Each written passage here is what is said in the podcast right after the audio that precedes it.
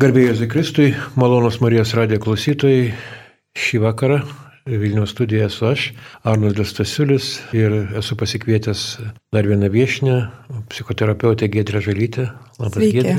Sveiki. Labas vakaras pasikalbėti vėl dar vieną kokią nors įdomią temą.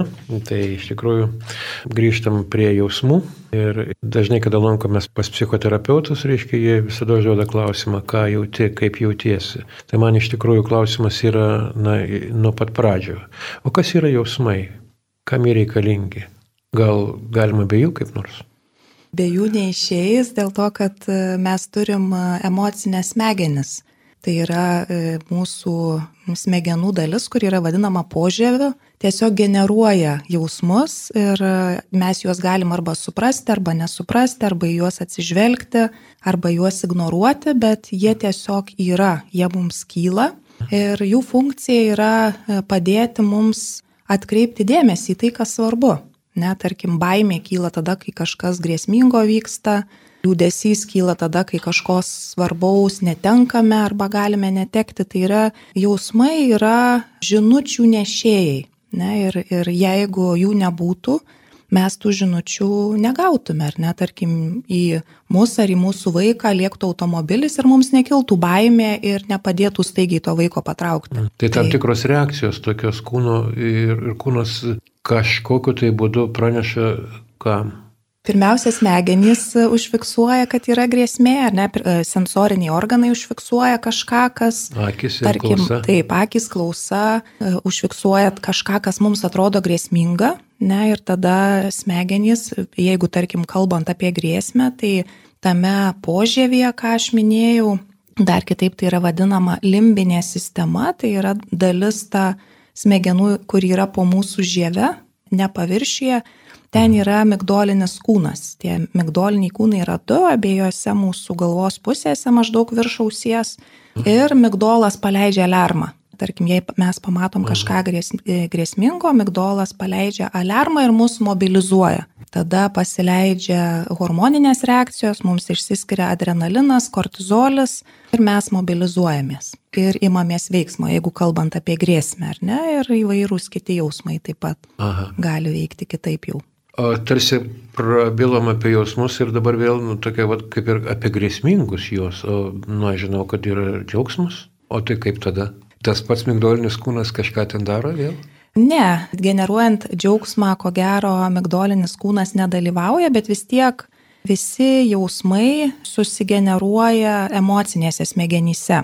Tai šiaip jau yra laikoma evoliuciškai, kad emocinės smegenys ypač išsivystė tada, kada išsivystė žinduoliai ir toks atsirado gyvenimo būdas grupėmis. Ne, tai mm. emocinės smegenys ypač reikalingos visiems gyvūnams, kurie gyvena grupėmis.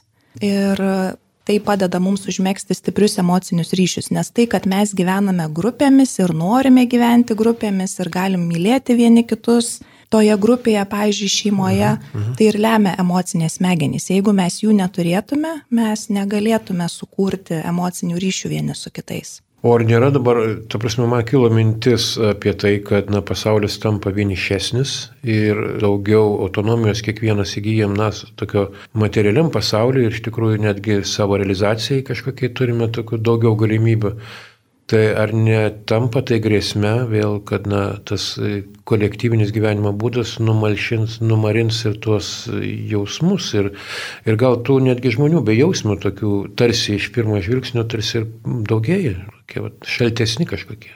Taip? Taip, aš, aš irgi taip manau, kad tai yra viena iš tendencijų, ką mes matom šiandien, kad apskritai silpnėja žmogaus gebėjimas jausti emocinį ryšį ne tik su kitais žmonėmis, bet ir apskritai su, su viskuo, kas gyva. Mhm. Ne, mes daugiau, ir tai labai matosi, kad mes daugiau į tai, kas yra aplink mus, žiūrim kaip į naudotinus daiktus, ar ne? Kas čia tokia saulėlydis, pamanyk?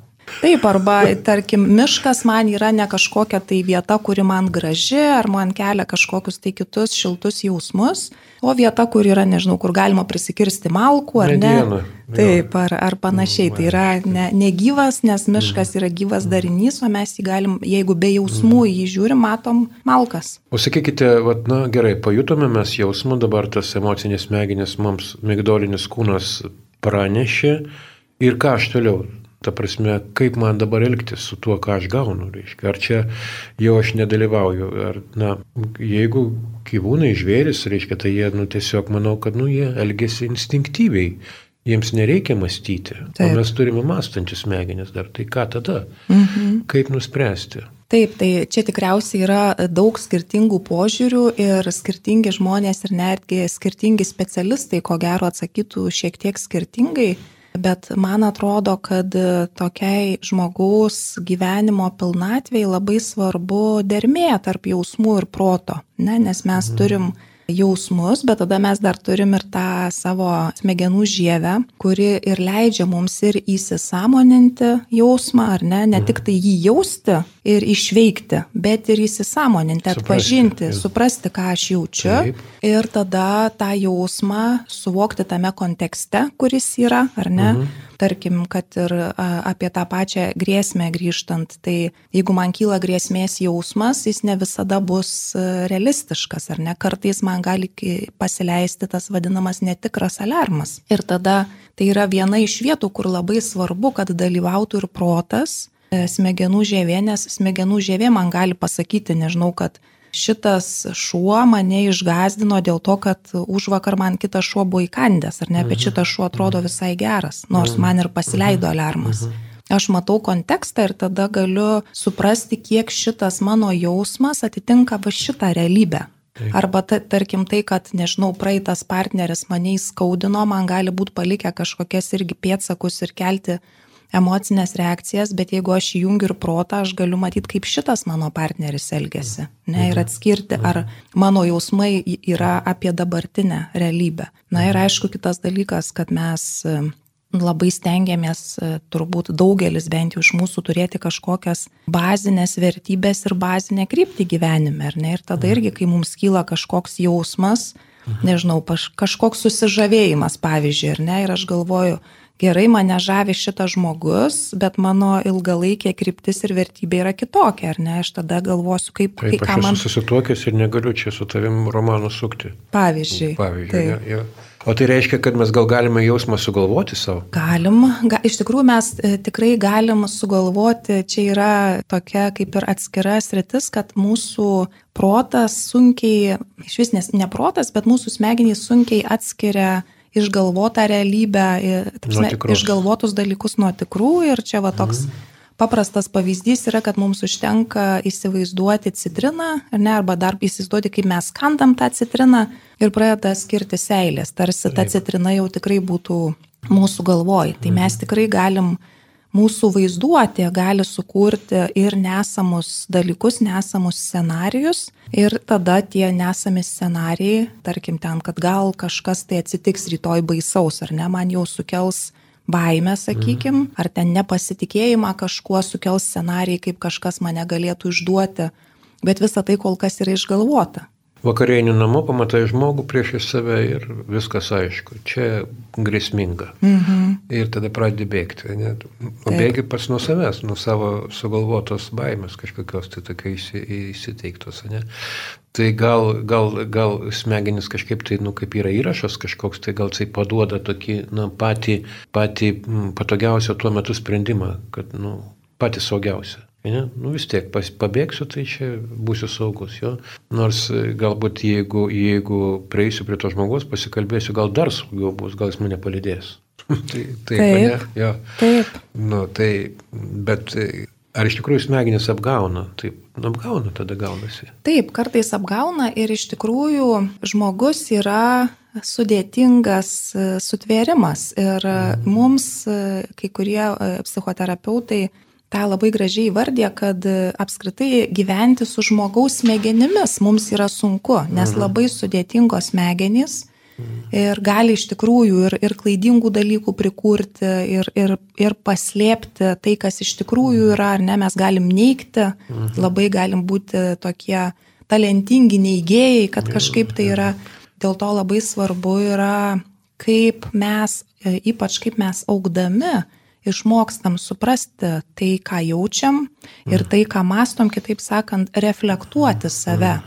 Ne tik veikti, bet ir įsisamoninti, reflektuoti. Supratau tada, kad, na, reiškia, jeigu turime, patiriam kažkokį jausmą, yra mano užduotis e, gal staptelti ir suprasti, ką, ar įsivardinti savo kaip tą jausmą. Nu, yra sunku kokią aš dabar jausmą jaučiu įsivardinti ir tada pradėti adekvačiai elgtis pagal tą realią situaciją, kokia yra. O ar išlieti jį, ar, na, daugelis žmonių sako, aš nu, nuryju, nusk, nuskandinu, iš tikrųjų, neverta čia piktis, neverta čia bijoti, čia viskas mano ir, tu prasme, kokios yra pasiekmes gal to, tokių dalykų, yra to nuryjimo. Aš manau, kad bet kokios uh tvarkymosi su emocijom strategijos yra pasiekmes, jeigu ta strategija yra vienintelė mūsų strategija. Mm. Tai yra, jeigu nėra lankstumo, jeigu, tarkim, aš moku tik tai nuryti pyktį, ar ne, ar, mm. arba tik tai nuslopinti baimę, arba tik tai, nežinau, kai man liūdna, įsijungti serialą ir žiūrėti kažkokią ten kažką linksmo komediją. Kitaip mm. sakant, jeigu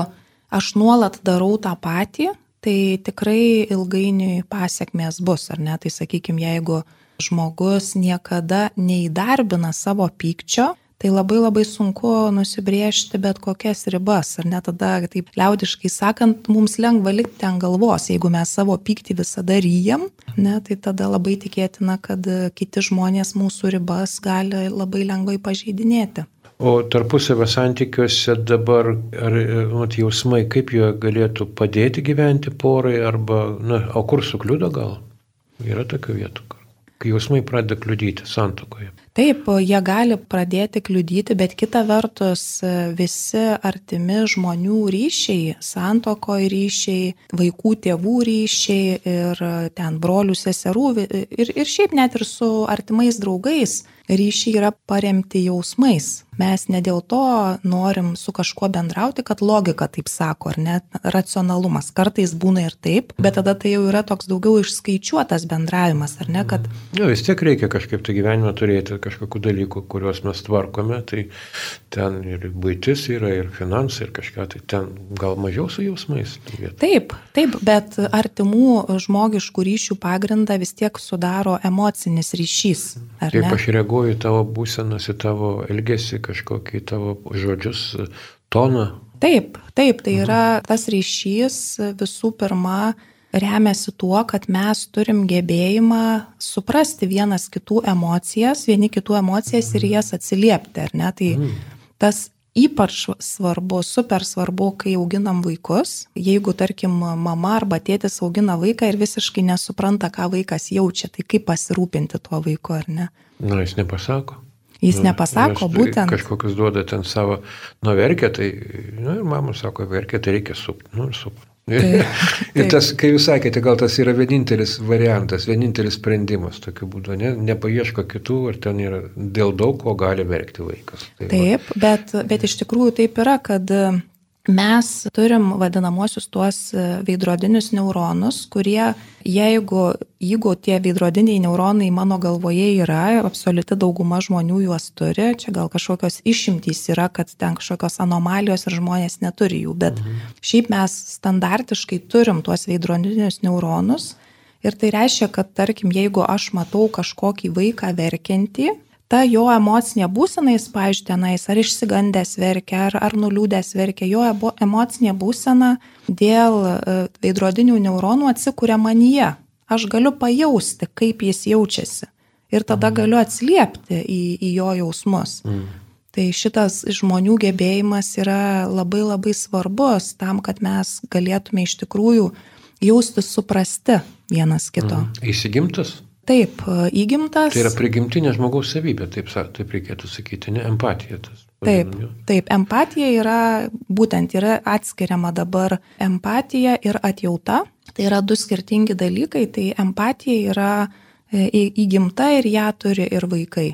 Mhm. Ir mažas vaikas mhm. gali empatiškai reaguoti į kitą. Bet tie veidrodiniai neuronai, tu prasme, jie savo darbą daro nepriklausomai, supranti ar nesupranti šitą. Taip, taip, kitaip sakant, net ir mažytis vaikas gali jausti kito žmogaus emocinį skausmą. Taip, ir džiaugsmą taip pat. Mm, sakė darželį, jeigu vienas pradeda verkti, tai ten viskas, daug kas verkia.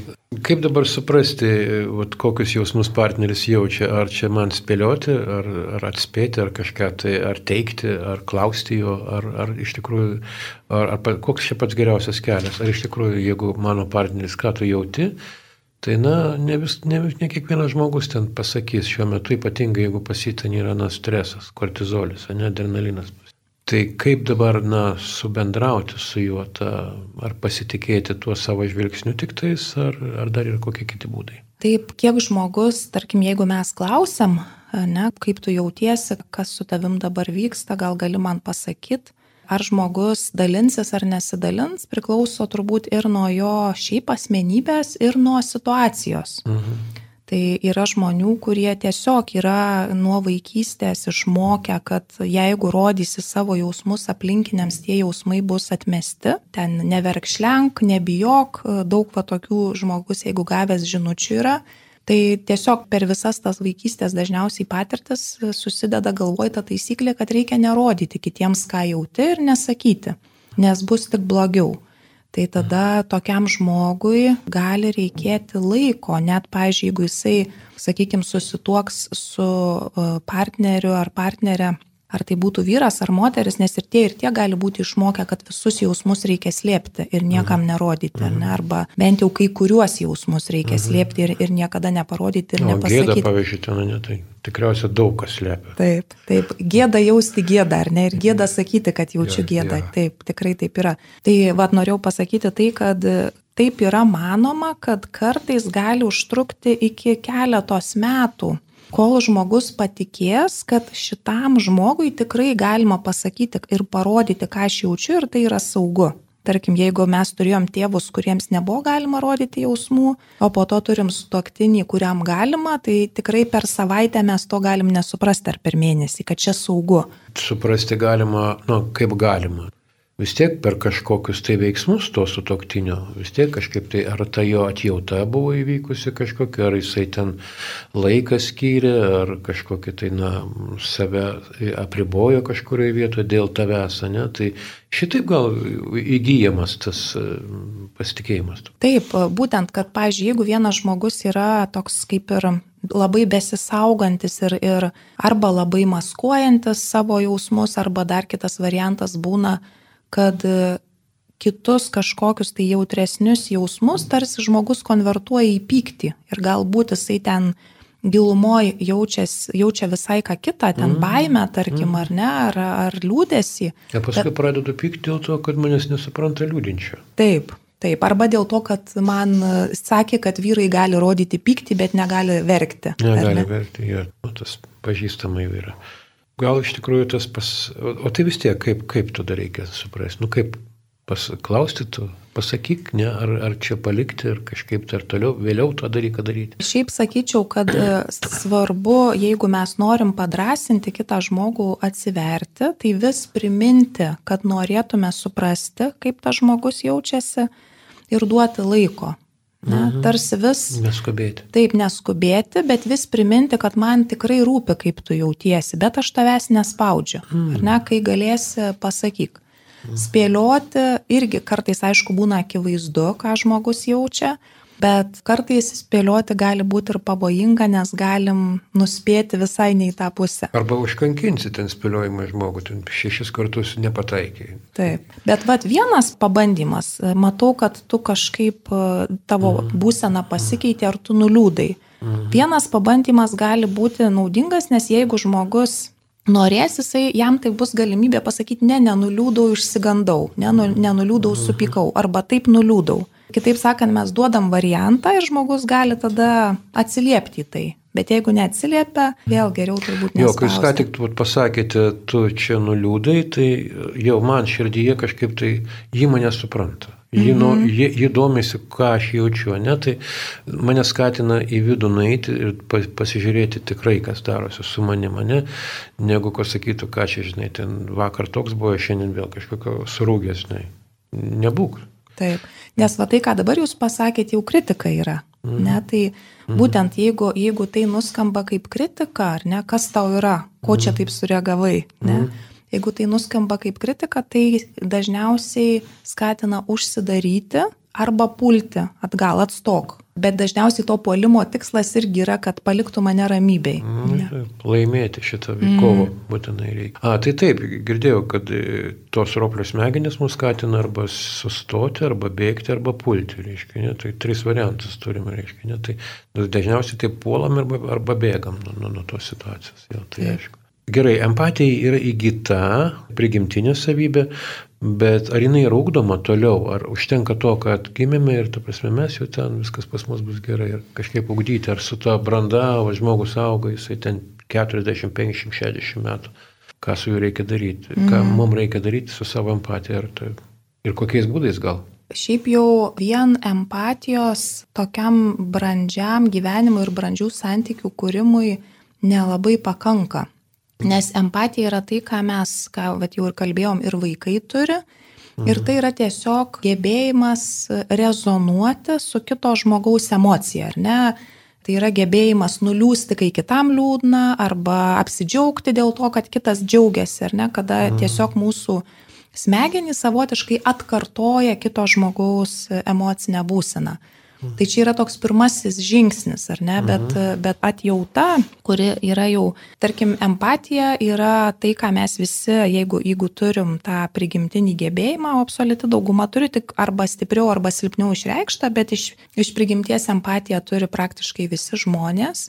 Tam, kad išsiugdytų atjauta, reikia truputį įdėti pastangų ir, ir atjauta išsiugdo augant, ne, augant, brestant ir skirtumas nuo tarp empatijos ir atjautos yra, kad atjautoj aš, ma, kai, kai jaučiu atjautą, aš matau kito žmogaus, tarkim, skausmą emocinį mhm. ir kartu jaučiu norą tą skausmą palengvinti.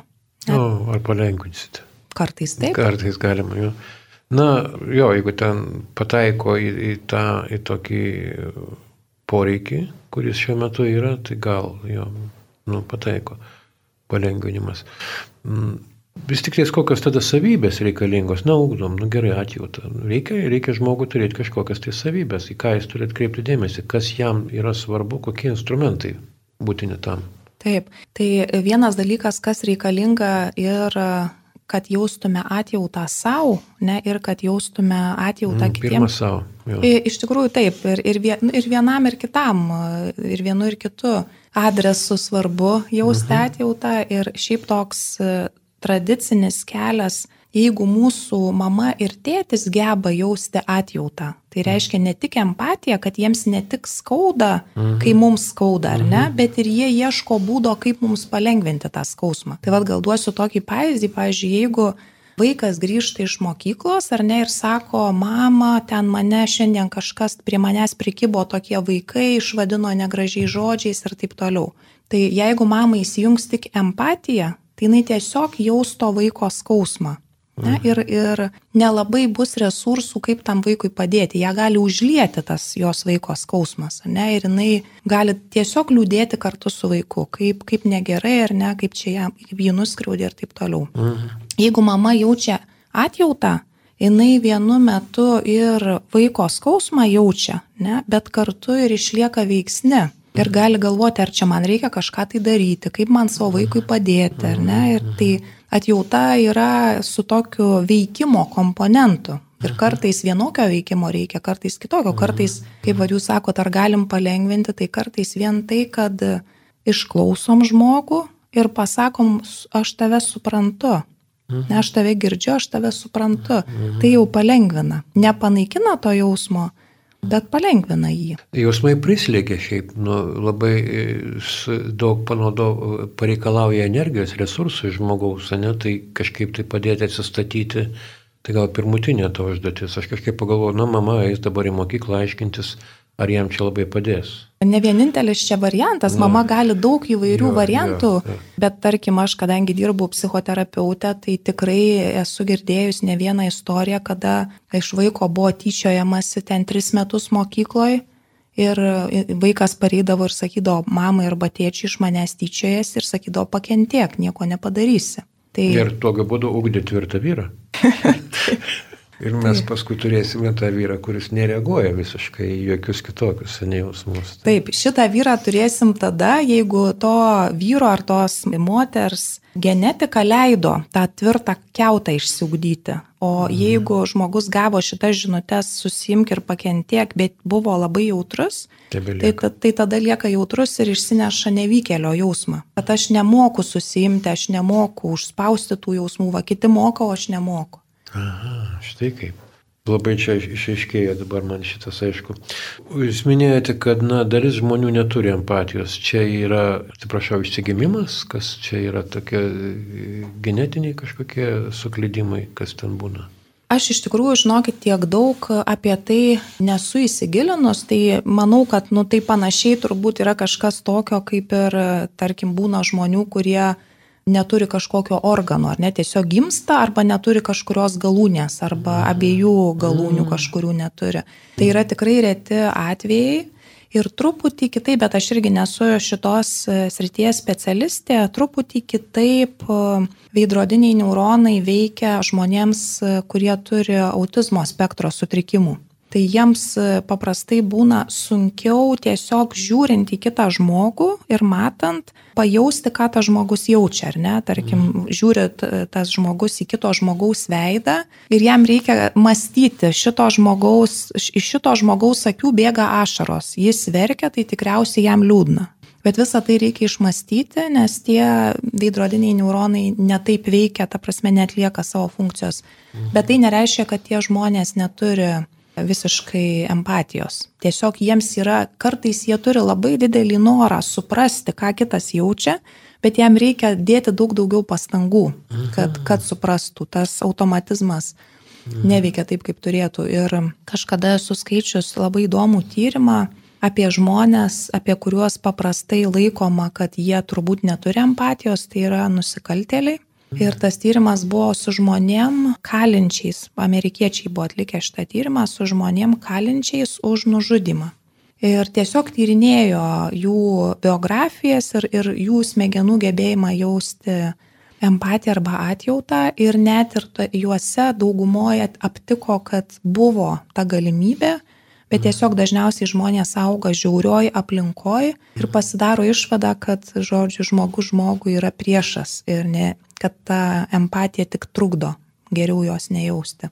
Dar kartą grįžtant prie jausmų, ar vis tik tais, na, tas nutilėjimas ir tas rizikingas toks yra, kiek mes tą savo pažeidžiamumą galėtume vertinti kaip darybę, kaip uh, vertingą dalyką, kad jis yra kelias, gal ne tas, ar, ar galima tas pažeidžiamumas, kaip padrasinti dabar žmonės? Ir ypatingai kada tarp sutoktinių tas iškyla toksai na, konfliktinės situacijos ir jie to savo pažeidžiamumo ima vengti, tuo labiau, kad patyrė vienas kitą, ne, tai kaip vis dėlto padaryti, kad, na, ką daryti reikėtų, kad tie žmonės suprastų, kad tai yra daugiau jėgos, drąsos tame yra negu baimės ir pasimetimo. Šiaip man atrodo tikrai e, labai padeda, jeigu kalbam apie porą, tai labai labai padeda, jeigu abu žmonės poroje stengiasi dėl to. Nes tarkim, jeigu vienas žmogus tengiasi ir nori truputį daugiau atsiverti, o kitas e, į tai ne, ne, jam neišeina tinkamai sureaguoti, ar ne, kad tas žmogus pasijaustų suprastas, tada sunkiau. Arba kitas vat, variantas, ką jau minėjau, jeigu vienas žmogus spaudžia kitą kad tas atsivertų. Tai paprastai daug, e, daug lengviau yra, jeigu abu žmonės tai daro Ir turbūt vis tiek vienas dalykas, ką labai svarbu vienam apie kitą suprasti, tai žinoti apie vienas kito augimo istoriją bent truputį ir žinoti, e, dėl ko mano žmona arba mano vyras, pavyzdžiui, bijo rodyti kažkokius jausmus. Ne? Mm. Jeigu aš tą šiek tiek suprantu, man tada daug lengviau yra priimti kad dabar jis atsitraukė dėl to, ar ne, arba dabar jam ten kilo pyktis dėl to, kad vat, taip jam buvo praeitį. Ir tada vis tiek išlikti, šiaip turbūt toks svarbiausias dalykas, tai yra išlikti nepaisant kito žmogaus kažkokių reakcijų, kad jis išsigando atsitraukė arba supyko ten kažką pikčiau pasakė, išlikti, jeigu tik išeina atviram pačiam Neįeiti, jeigu tu taip, tai aš taip. Aha, šitą neįeiti. Tai aš ką tik norėjau paklausti, kaip elgtis, jeigu vas stokoja empatijos o, ir niekaip ten neprasimuša. Nu, ta gyvenimo istorijos papasakojimas ir sužinojimas yra su toktiniams tai toks kertinis, labai svarbus dalykas. Ne, mes nu, žinome ne tik tai su, su to gyvenime, ne tik tai su tuo žmogumi, su kuriuo susitikėm tą dieną, bet ir su tuo, kuris gyveno dar gyvenimą iki to. Ir tas labai reikšmingas, ten buvo daug įvykių ir daug įtakų patyrė. Jeigu jisai stokoja tos empatijos ir tas tas pažydžiamumas gilus ir didelis yra pas žmogų, tai kitas e, kaip ir neturi jau tokių, na, galimybių ten įeiti. Nu gerai, arba nepasakos visiškai, na gėda man pasakoti apie tos savo nuotikius. Nu, nepasakosiu niekam. Taip, gali tai Jums būti. teko taip galbūt klientų tokių turėti, kur, tu prasme, nu, žmogus sako, ne, čia yra tabu šita vieta mano gyvenime, užmiršęs aš ją. Taip, tai būna ir iš tikrųjų tai vis tiek, jeigu jau žmogus, tarkim, ateina į psichoterapiją, tai dažniausiai per laiką atsiveria, bet tikrai būna taip, kad pradirbam ten keletą mėnesių ir tada žmogus sako, aš jums dar vieno dalyko nesakiau, o dabar jau apsisprendžiau pasakyti. Tai tikrai tai būna, kad tarsi žmogus, jam ar jai reikia laiko, kad jisai pasijustų saugiau tame santykiai ir taip pat ir su, su sutoktiniu lygiai taip pat, ar ne, kad mes pasijuntam saugiau santykiai ir tada galim e, atsiverti. Aš dar noriu grįžti prie atjautos. Tai ta prasme, ta atjauta, na vis tik tais, gal aš taip suprantu, kad nukreipta daugiau į emocinį lauką žmogaus, negu į tai, kur jisai veikia dabar, ne? Kad yra, tarkim, jo darbas, yra kažkokie tai nemalonumai su teisės sauga ar su kažkuo, tai ten vis tik tai tas žmogus turės pats tvarkytis tos, tuos dalykus, ne? Bet emocinis laukas žmogaus yra kažkaip mūsų bendras turtas. Taip. Gaunasi. Taip, tai... taip. Taip, tai atjauta tikrai yra e, visų pirma, e, jinai veikia per emocijas, ne? Tam e, empatija yra atjautos dalis, mhm. būtina dalis. Tai reiškia, kad aš kad aš pajaučiau žmogui atjautą, aš pirmiausia turiu suprasti, ką jis jaučia. Kitaip neišeis. Mhm. Aš tarsi su, susijungiu truputį su tuo žmogumi emociškai, suprantu, ką jisai patiria emociškai ir tada gali atsirasti atjautos jausmas. O sakykit, o užuojauta Tas pats ar čia? Čia tokie artimi žodžiai, ko nėra atjautoj ir kas yra, pavyzdžiui, gailestyje, ar ne? Tai gailestyje, nežinau, vat, ar, ar kaip mes tą užuojautą suprastume, bet... Gaila, kad tu netekai ten artimo žmogaus. Nu, gaila. Nu. Mm. Vis, bet aš visiškai ne, gal nesiuošiu įeiti į tą būseną. Taip, tai jeigu yra gailestis, tai e, yra dažnai tas komponentas, kad tas žmogus yra vargšas, bejėgis, kažką va tokio mes matom jame mm, tokio mhm, bejėgiško, kad jisai jo tai kažkokia tai auka yra bejėgis ar, ar panašiai. Ir kuo skiriasi gailestis nuo atjautos, tai kad kai mes e, jaučiam, čia tokie labai subtilūs skirtumai, bet kai mes jaučiam atjautą, e, mes kartu suvokiam, kad tas žmogus patyrė kažką, pavyzdžiui, patyrė netekti, ar ne, e, mhm. kas yra bendražmogiškas dalykas. Ne, tai aš suvokiu, kad šitas žmogus patyrė netekti ir aš galiu patirti netekti arba esu patyręs. Mhm. Ir kad tas žmogus nėra kažkoks tai vargšelis, o aš ne vargšelė ar ne. Jo, jo, jo. Nėra to skirtumo tokio Nėra. didelio. Atjauto yra daugiau bendra žmogiškumo. O jeigu, na gerai, čia jūs tokį, tokį davėt universalų pavyzdį, o jeigu tokie yra, na visiškai ten yra individualus atvejis, kurios nu, niekada nebuvo pasitaikęs bendražmogiškam gyvenime. Na, nežinau, ką dabar surasti tokio, žinai, bet, bet nu, jis ten kažkaip tai pat savo buvo sugalvojęs kažkokį tai utopinį planą, jis amžiną variklį. Staiga vieną dieną suprato, nepavyks, reiškia. Tai kur čia, čia nėra bendražmogiško. Kaip tokio atjausti? Variklis, variklis, ten amžinas variklis nėra bendražmogiška, bet sėkmė, nesėkmė yra e, bendražmogiška. Vilties praradimas, jis turėjo viltį ir neteko vilties. Tai mhm. vilties praradimas, nusivylimas yra bendražmogiška. Jo, mes tokį dar, dar turim tokį kaip ir užduoti iškondensuoti, tokį sukoncentruoti tą tokį pagrindinę priežastį, išsitraukti, ne, ne, neatsistoti ties to, kaip gaila, kad tu neišradai amžiną variklį. Bet, nu, vat, aš suprantu, ką reiškia prarasti viltį. Taip. Yra kitas klausimas. Taip, Ne, tada va šito žmogu, žmogu atsistoti, reiškia ten ir prabilti tą kalbą, kur jam yra svarbi. Taip, ir, ir tarkim, e, variantų, kokie gali įvykiai būti ar ne, yra begalė, o žmogiškų jausmų nėra tokia begalė, ar ne? Ir tiesiog taip yra, kad, nu, pažiūrėjau, nusivilti galima dėl įvairiausių dalykų, ar ne, kad neišradai amžino variklio, kad iš darbo atleido, kad nežinau, kažkas tai... Pamatėjai ten daiktus, piniginę, Taip. pavagė. Taip, ir, ir nebūtinai mes turim tą konkretų įvykį būti patyrę, bet galim žinoti tą jausmą vis tiek. Visgi dabar mes kalbame apie empatiją ir atjautą ir apie jausmus. Ir ar yra taip, kad na, žmogus vis dėlto viską suprasdamas, viską darydamas, nedaro tai, ko reikėtų, ko norėtų daryti ir dėl to kankinasi. Kaip ten yra su juo? Kas čia darosi taip? Aš suprantu, prasme, tą žmogų suprantu ir save suprantu, ir mūsų santykius suprantu, ir kas stabdo. Žmonėm, kuriem taip yra, labai rekomenduočiau paskaityti knygą Ištrūk iš spastų.